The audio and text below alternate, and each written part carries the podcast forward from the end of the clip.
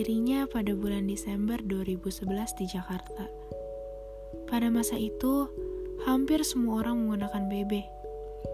Ya, BBM yang kalau bertemu orang baru biasanya menanyakan pinnya. Dan itu terjadi pada aku dan dia. Setelah selang beberapa kali bertemu, ternyata dia harus pulang ke tempat asalnya. Aku baru tahu dia hanya singgah sebentar di sini. Sebenarnya, semenjak pertukaran pin BB itu, nama dia selalu ada di baris pertama. Selalu menjadi orang yang kubalas pesannya secepat mungkin. Dan juga selalu menjadi orang terakhir yang kubalas pesannya sebelum tidur. Kalau ingat dulu, sesering mungkin ku izin ke toilet hanya untuk membalas pesanmu.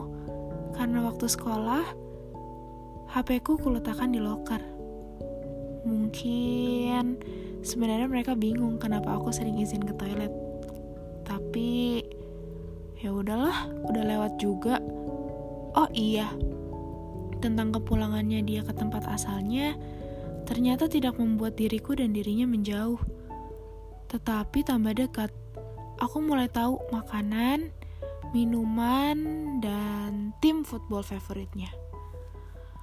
Hmm, Chelsea kan? Aku tidak tahu kamu mendengarkan podcastku atau tidak, tapi yang aku tahu dan ku yakin, kamu tidak pernah lupa juga bagaimana cara kita bertemu.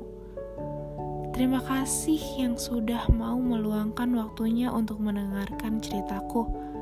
Kutitip ceritaku dan dia di podcast catatan perasaan ini ya. Cerita perkenalanku dengan dia, aku tutup sampai di sini dulu.